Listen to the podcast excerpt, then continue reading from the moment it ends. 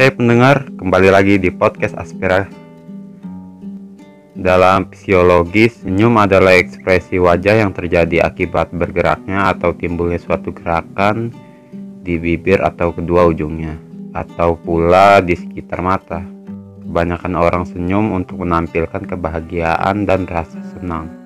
Senyum itu datang dari rasa kebahagiaan atau kesengajaan karena adanya sesuatu yang membuat dia senyum bertambah baik raut wajahnya atau menjadi lebih cantik ketimbang ketika dia biasa saja atau ketika dia marah.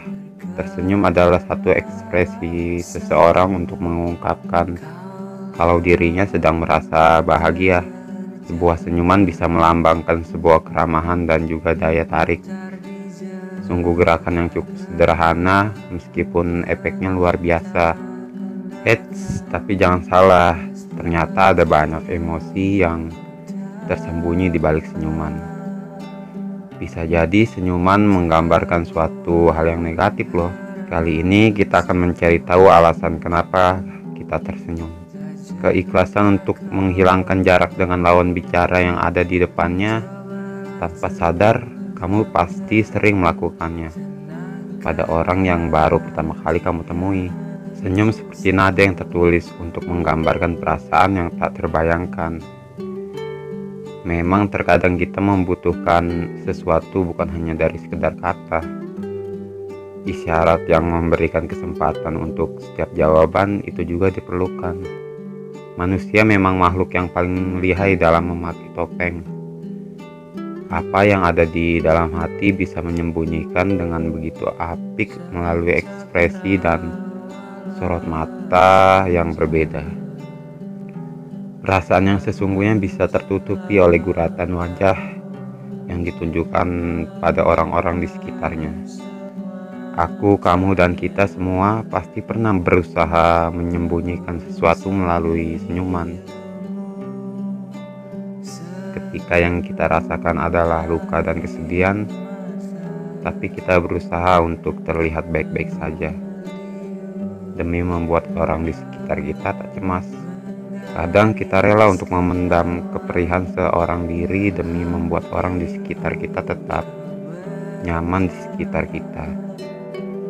Meski kemudian yang terjadi malah luka di dalam diri ini makin parah.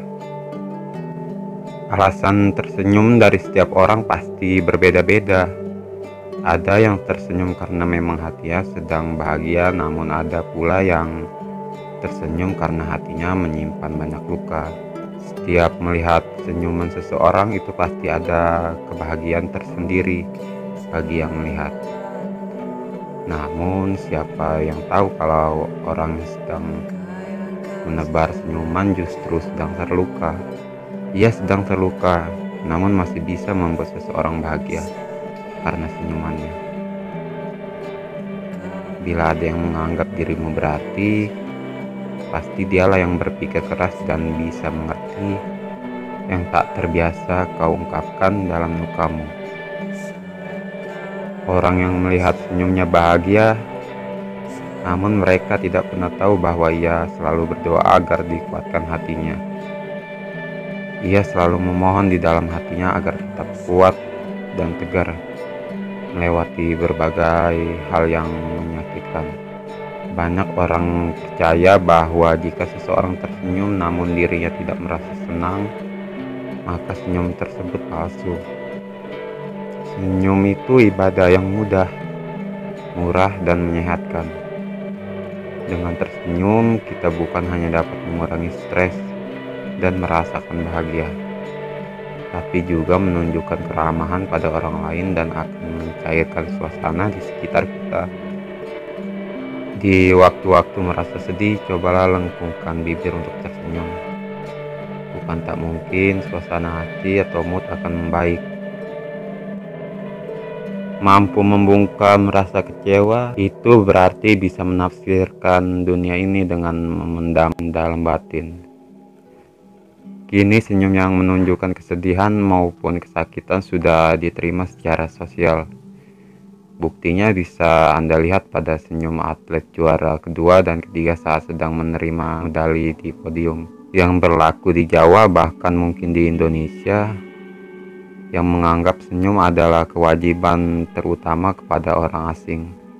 Senyum bagaikan bernapas yang harus hadir tiap bertemu orang demi menghidupkan kesan sebagai masyarakat yang ramah. Terlepas dari apa pun itu, ingin tahu mengapa saya harus tersenyum.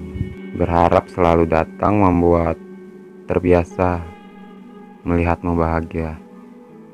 Untuk selama-lamanya, mendengarkan seluruh senandung betapa indahnya apa yang saya lihat. Jauh di tempatku yang nyaman, kau menjadi di dalam kosongku. Saat aku ingin kau berada di sisiku. Nah guys, oke okay untuk episode kali ini cukup dulu ya. Sampai berjumpa lagi di podcast Aspera selanjutnya.